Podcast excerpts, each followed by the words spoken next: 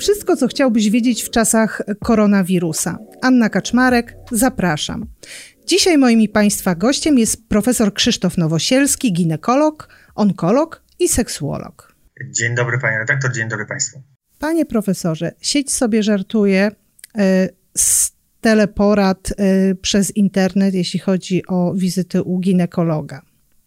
Tymczasem e, to może być tak naprawdę duży problem. Jak takie wizyty wyglądają w czasach pandemii i czego możemy się po nich spodziewać? No i jak ewentualnie się do takiej wizyty przygotować? Przede wszystkim czas koronawirusa jest bardzo trudnym okresem dla nas wszystkich, szczególnie, że jest duża grupa pacjentek, które potrzebują pomocy. Standardowo w czasach bez pandemii każda pacjentka mogła się umówić przy dowolnym terminie, nawet jeżeli była to pilna sprawa, można było ją skonsultować.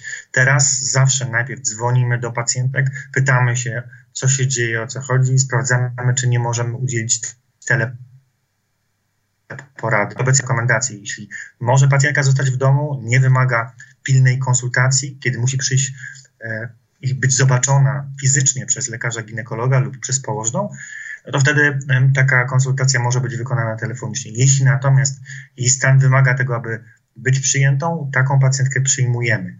Jak się przygotować? No przede wszystkim nie można być chory, czyli to by, musi być pacjentka, która nie kaszle, nie ma gorączki, e, czuje się dobrze, jest generalnie zdrowa pod względem takim ogólnoustrojowym. Bo jeśli pacjentka byłaby chora, to stwarza dla całego personelu, który ją przyjmuje i dla wszystkich innych osób będących w poradni zagrożenie epidemiologiczne i takich pacjentek nie przyjmujemy w zwykłej poradni, odsyłamy ją do specjalistycznych, jednoimiennych szpitali, gdzie może ewentualnie uzyskać taką pomoc. Przygotowanie nie jest e, żadne szczególne, po prostu jeżeli spełnia te kryteria, o których powiedziałem, przychodzi na wizytę, na początku u każdej pacjentki jest mierzona temperatura, jest zbierany krótki wywiad epidemiologiczny, pacjentka zakłada maseczkę, zakłada ręczka, rękawiczki i tak przygotowana wchodzi do e, lekarza specjalisty na wizytę ginekologiczną lub położniczą. Dobrze, a jeśli to jest wizyta przez internet, to jakoś powinniśmy się do niej przygotować specjalnie? E, pierwsze zasadnicze pytanie u każdego lekarza ginekologa to data ostatniej miesiączki. I to musi zawsze kobieta pamiętać, bo to zawsze pytamy, no a później przygotować te objawy, które zgłasza dana pacjentka. Co tak naprawdę chce uzyskać w tej teleporadzie, którą również udzielamy. Wprawdzie te zalecenia mówią, że powinniśmy coraz częściej udzielać teleporad. To znaczy, idealnie byłoby połączyć się z pacjentką, z nią porozmawiać chwilę, tak jak teraz rozmawiamy, ale nie zawsze jest to możliwe. Czasami wystarczy zwykła rozmowa telefoniczna. Jeśli na przykład pacjentka jest po operacji i chcemy sprawdzić, czy jej rana goi się prawidłowo, wystarczy pacjentkę poprosić o to, aby zrobiła zdjęcie i wysłała na maila e, te, takie zdjęcie lub przesłała telefonem komórkowym na telefon służbowy my jesteśmy w stanie tą ranę ocenić, powiedzieć, czy goi się prawidłowo, czy nie i wydać telefoniczne dalsze zalecenia. Rozumiem. A kiedy jest ten moment, że ta teleporada to za mało? Z jakimi dolegliwościami hmm, trzeba się tak naprawdę zgłosić fizycznie do lekarza? Gdzie jest ta granica? No ona jest zawsze subiektywna. E, każdy, każdego z nas obowiązują standardy i rekomendacje i te rekomendacje również zostały wydane przez Polskie Międzynarodowe Towarzystwa Ginekologów i Położników. E, to zależy od e, właściwie tego, jak pacjentka przedstawia dany problem. Przykład sprzed dwóch dni. Zadzwoniła do mnie pacjentka, najpierw napisała maila, więc poprosiłem o to, aby przedzwoniła. No i mówi, że kiedyś była moją pacjentką, mieszka daleko, bo mieszka 500 kilometrów stąd i um, prosi o wypisanie recepty na antykoncepcję, bo zaczęła plamić. No ale teraz nie wiemy, co się dzieje. Nie brała wcześniej antykoncepcji, nagle pojawiło się plamienie, które nie do końca zgadza się z datą miesiączki, bo pacjentka nie miesiączkowała przez kilka miesięcy, więc tak naprawdę ta pacjentka wymaga tego, abyśmy jednak ją zobaczyli. Nigdy nie wiadomo, czy to krwawienie jest fizjologiczne, czy jest krwawieniem z innych przyczyn, które wymagają bardzo szybkiej diagnostyki i interwencji. E, i tutaj zdrowy rozsądek i podążanie za zaleceniami, wytycznymi towarzystw międzynarodowych i polskich no będzie tym kluczem. Jeśli pacjentka rzeczywiście ma takie dolegliwości, nieprawidłowe krwawienia, bóle dołem brzucha, które nie wynikają z na przykład z cyklu, czy z okresu okołomiesiączkowego, czy z środka cyklu, kiedy może być owulacja, albo kiedy jest w ciąży i zgłasza bóle też dołem brzucha, albo plamienie, takie pacjentki wymagają jednak tej wizyty osobistej, sprawdzenia, wykonania badania ultrasonograficznego i oceny, jak to się mówi, face to face, żebyśmy mogli tą pacjentkę dobrze zdiagnozować i pomóc. Y, dobrze, panie profesorze, a jeśli chodzi o pacjentki, które miały na przykład albo mają, są w trakcie badań podejrzenie y, nowotworu narządu rodnego.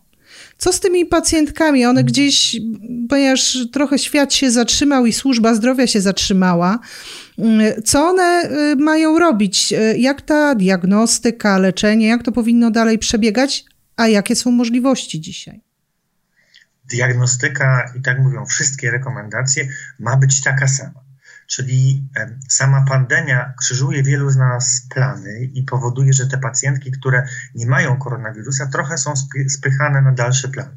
Jeśli podejrzewamy jakikolwiek nowotwór, to większość poradni onkologicznych, ja sam taką, w takiej poradni pracuję, mamy pełne możliwości diagnostyczne, łącznie z wykonaniem pilnego, e, pilnej diagnostyki obrazowej, czyli rezonansu tomografii. W ostateczności można taką pacjentkę położyć na oddział ginekologiczny i z, z poziomu szpitala taką diagnostykę absolutnie wykonać.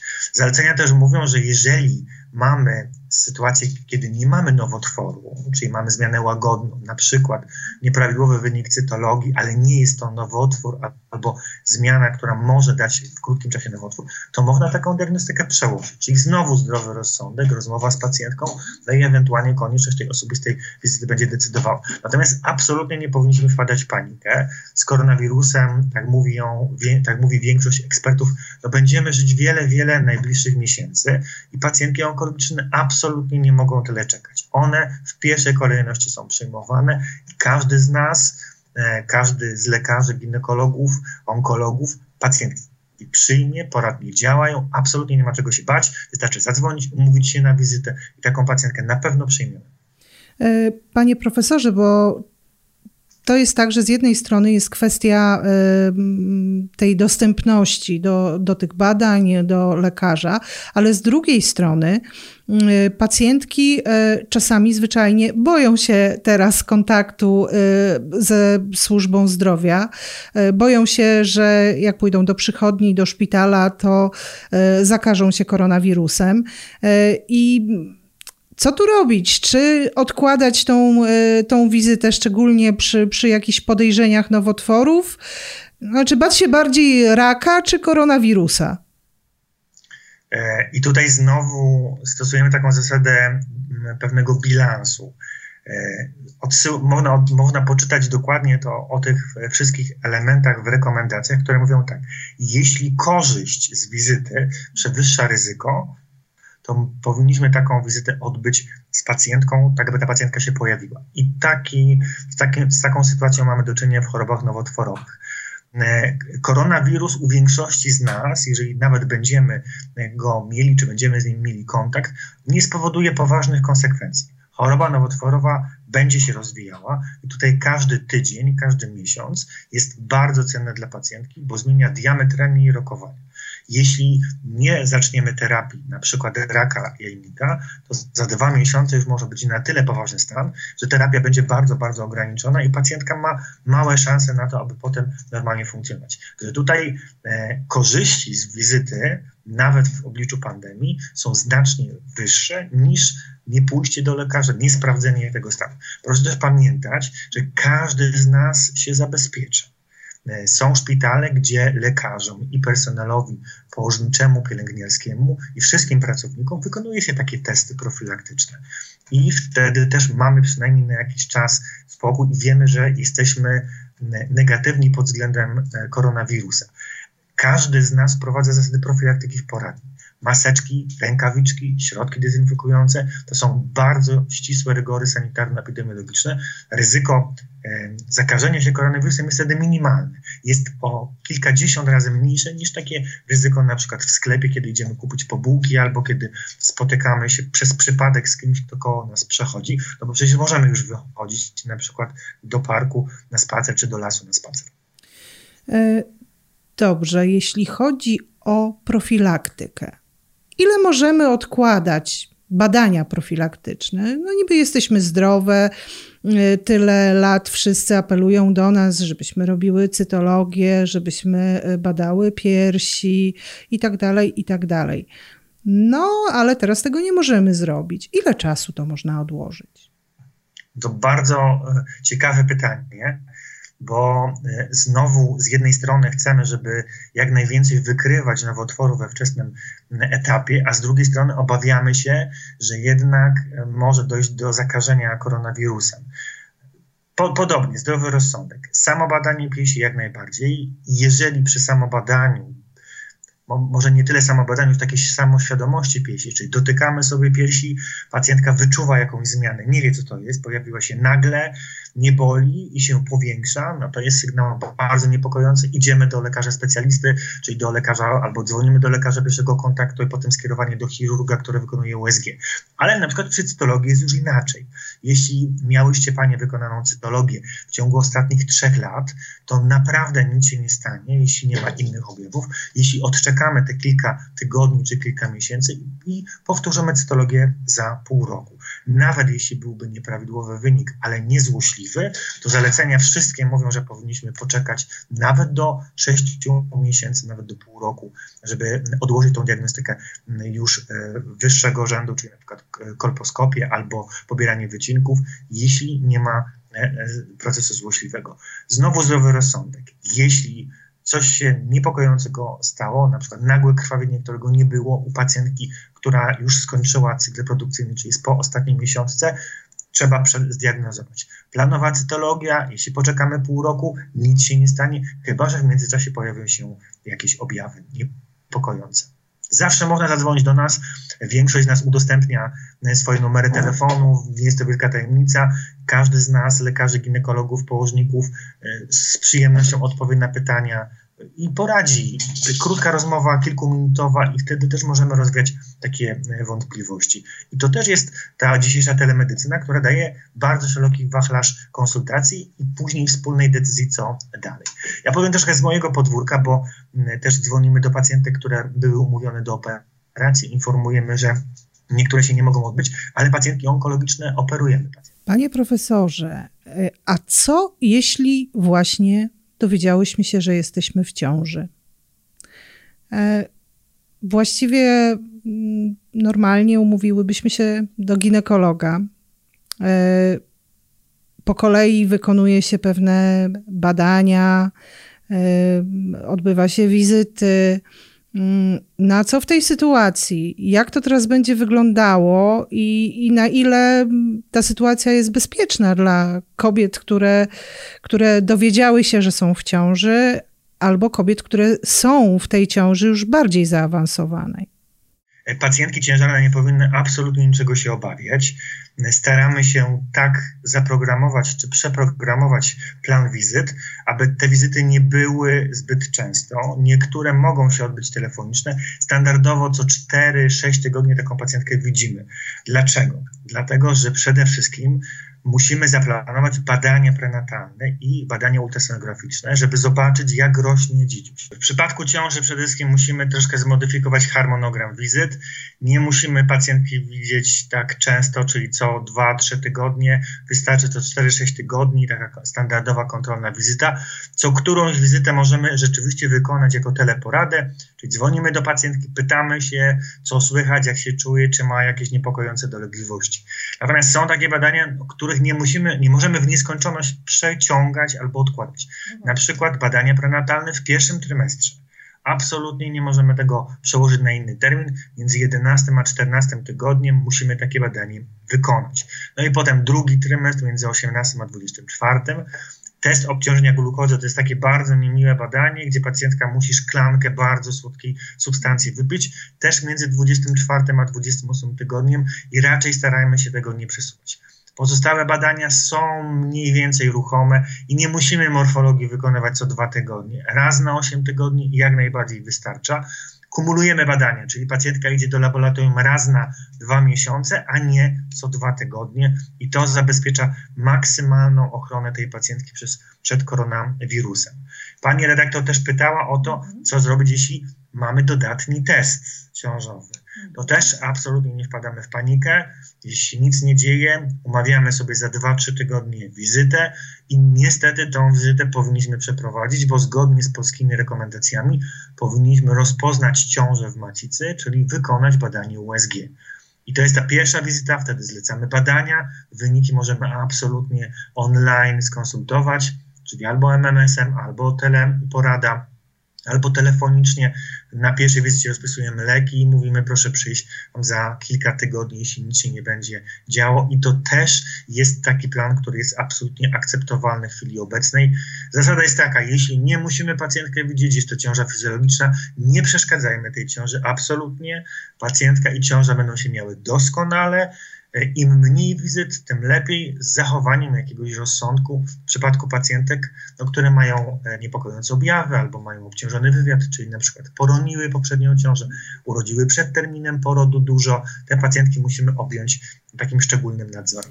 No właśnie, a czy są takie sytuacje, szczególnie na początku ciąży, y, które jednak powinny skłonić nas do poszukiwania takiej y, zwykłej wizyty lekarskiej? U ginekologa? No za, zawsze plamienie we, we wczesnej ciąży, ono może być poniekąd fizjologiczne, ale też wymaga zobaczenia, co tak naprawdę się dzieje. Czy jest akcja serduszka dziedziusia, czy nie ma jakichś problemów z kosmówką, czy z łożyskiem, czyli tym organem, który maluszka odżywia. Więc no to niestety wymaga tego, aby się pojawić, przynajmniej zgodnie z polskimi rekomendacjami, żebyśmy zobaczyli, bo pacjentki będą się bardzo denerwowały. To jest jeszcze jeden aspekt. Jak pamiętam, od wielu, wielu lat zawsze pacjentki przychodziły na wizytę z osobą towarzyszącą, z mężem, partnerem, kimś, kto no, był takim wsparciem. No teraz ci mężowie, partnerzy, osoby, które są towarzyszące, towarzyszące czekają na tą e, pacjentkę naszą w samochodzie, nie mogą niestety wejść.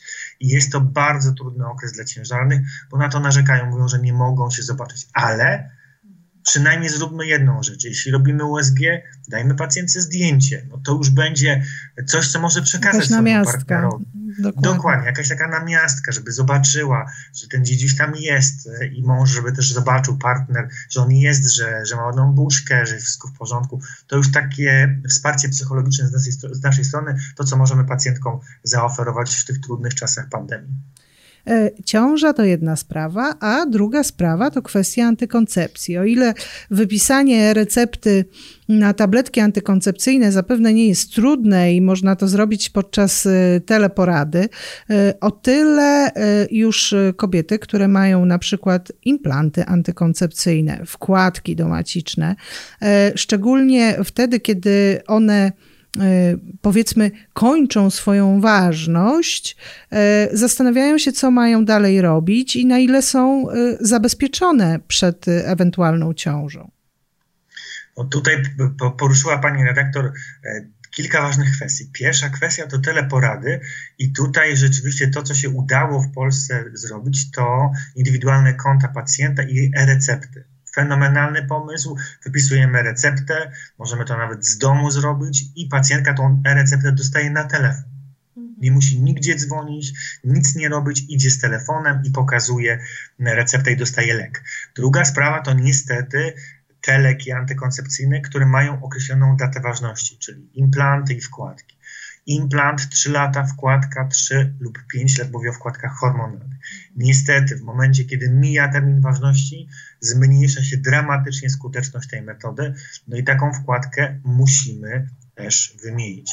Ale też pamiętajmy, że to jest taka sama wizyta jak każda inna, e, nie jest obarczona jakimś większym ryzykiem, no bo pacjent nie kaszle, nie kicha, E, jakby no, nie wydala śliny w nadmierny sposób. Zajmujemy się zupełnie innymi okolicami i zachowaniem tych zasad, o których mówiliśmy na początku. Są to jak najbardziej bezpieczne wizyty i muszą się odbyć, bo jeśli się nie odbyją, nie, nie odbędą, to pacjentka nie będzie zabezpieczona antykoncepcyjnie, a przecież o to tej pacjentce chodzi. No dobrze, z jednej strony zabezpieczona, a z drugiej strony, czy to w jakiś sposób nie szkodzi? Na przykład, jeśli taki implant y, zostaje nadal y, w ciele, mimo że jego wartość, y, jego ważność już jest przekroczona, okres ważności? W przypadku implantu to jest to, jest to taki maleńki fragment, który, takiej wielkości zapałki plastikowy, który nie daje żadnych odczynów alergicznych. Zdarzyło, zdarza się, że nie jesteśmy w stanie usunąć w gabinecie takiego implantu. E, ja pamiętam jedną pacjentkę, której się troszkę przybrało na wadze. Ważyła kiedyś 50 kilo, jak przyszła po trzech latach, ważyła 120 kilo i był duży problem z usunięciem tego implantu i został tam zostawiony, nic się nie dzieje. Z wkładką jest troszkę inaczej, dlatego że jest to jednak ciało obce i nie działa. Coś, co nie działa, powinno być usunięte z organizmu. Ta wkładka bardzo długo zostawiona może wrosnąć i wtedy będzie dawała trochę inne dolegliwości, ale to jest kwestia 5-10 lat, nie 3-4 miesięcy. Czyli inaczej mówiąc, nawet jeżeli byśmy zostawili taką wkładkę, ona nie będzie działała, natomiast w ciągu najbliższych miesięcy nie powinna spowodować żadnego uszczerbku na, zdrowia, na zdrowiu u e, pacjentki. Ale znowu podkreślmy to, te zasady, które każdy z gabinetów prowadził, to są bardzo ścisłe zasady i pacjentki e, czują się bezpieczne i są bezpieczne w e, takich gabinetach. Czyli tak naprawdę wiele można załatwić e, przez e, teleporady, jeśli chodzi o wizytę u ginekologa, a z drugiej strony to nie jest tak, że w ogóle do tego ginekologa pójść nie można. Dokładnie. Są, są takie sytuacje, kiedy możemy pomóc telefonicznie, jak w każdej innej specjalności. Wydaje się, że jednak ginekologiczna specjalizacja jest troszkę bardzo, bardziej specyficzna inny rejon ciała, bardzo nefralgiczny i są takie sytuacje, kiedy musimy się z pacjentką zobaczyć, mimo tego ryzyka, które zawsze będzie. Ale znowu pamiętajmy o tym, co mówiliśmy na samym początku. To ryzyko będzie przez najbliższe lata, czy miesiące na pewno, do momentu szczepionki, a być może za jakiś czas znowu pojawi się inne ryzyko, no a nie możemy pacjentkom powiedzieć, proszę przyjść za 20 lat na wizytę, bo może wtedy będzie bezpiecznie. Zawsze będzie ryzyko, ale musimy to ryzyko minimalizować. Jeśli nie musimy widzieć pacjentki, nie, widzi, nie widzimy się z pacjentką, czyli wszystkie profilaktyczne wizyty można odłożyć, te, które są pilne, jak najbardziej i każda pacjentka ma się czuć bezpiecznie i jest bezpieczna w gabinecie zabezpieczonym. Czy y, plany dotyczące ciąży też należałoby odłożyć? Czy, to jest, e, czy nie? Ostatnio czytałem bardzo ciekawy artykuł e, amerykański, kiedy e, próbuje się ocenić, co się będzie działo w dobie pandemii. No bo jesteśmy zamknięci, mamy pary, które ze sobą mieszkają, no i teraz mamy dwie możliwości. Albo będzie więcej rozwodów, albo będzie więcej ciąż. Bo no tak. zamknięcie sprawia, że pewne jest napięcie, które musi być jakoś rozładowane. No, ciąży absolutnie się nie boimy, jeżeli jesteśmy zdrowi. Natomiast no, zalecenia mówią, że powinniśmy to przemyśleć. Czyli jeżeli mamy parę, która planuje ciążę albo planowała od nie, dwóch lat, to powinna na chwilę obecną e, zastanowić się, czy są gotowi na podjęcie tego ryzyka. E, z założeniem tego ścisłego reżimu sanitarnego, porodu, kiedy nie może być partner, chodzenia w maseczkach, e, trudności w dostępie do badań itd., tak itd. Tak jeżeli są na to gotowi, nie ma medycznych przeciwwskazań do ciąży. Ta ciąża, nawet jeżeli pacjentka miałaby koronawirusa, to w większości przypadków przebiega prawidłowo, dzieciaki rodzą się zdrowe. Nie można popadać w panikę absolutnie, tym bardziej, że seks jest również przyjemny. Są pary, które nie chcą się zabezpieczać. I jeżeli będzie ciąża, to się nic absolutnie nie stanie. Natomiast jeżeli ją planujemy, no to planujemy z głową. Zastanówmy się, czy jesteśmy też nie tylko fizycznie, ale emocjonalnie gotowi na to, że każda wizyta u ginekologa to będzie stres, każda wizyta to będzie wizyta bez partnera, w maseczce, w rękawiczkach i z obawą o to, że jednak może być ten koronawirus. Jeśli akceptujemy to ryzyko, nie ma problemu. Z medycznego punktu widzenia absolutnie można. Seks jest super przyjemny, jeśli prowadzi do ciąży i dwie strony akceptują, też jest wspaniały.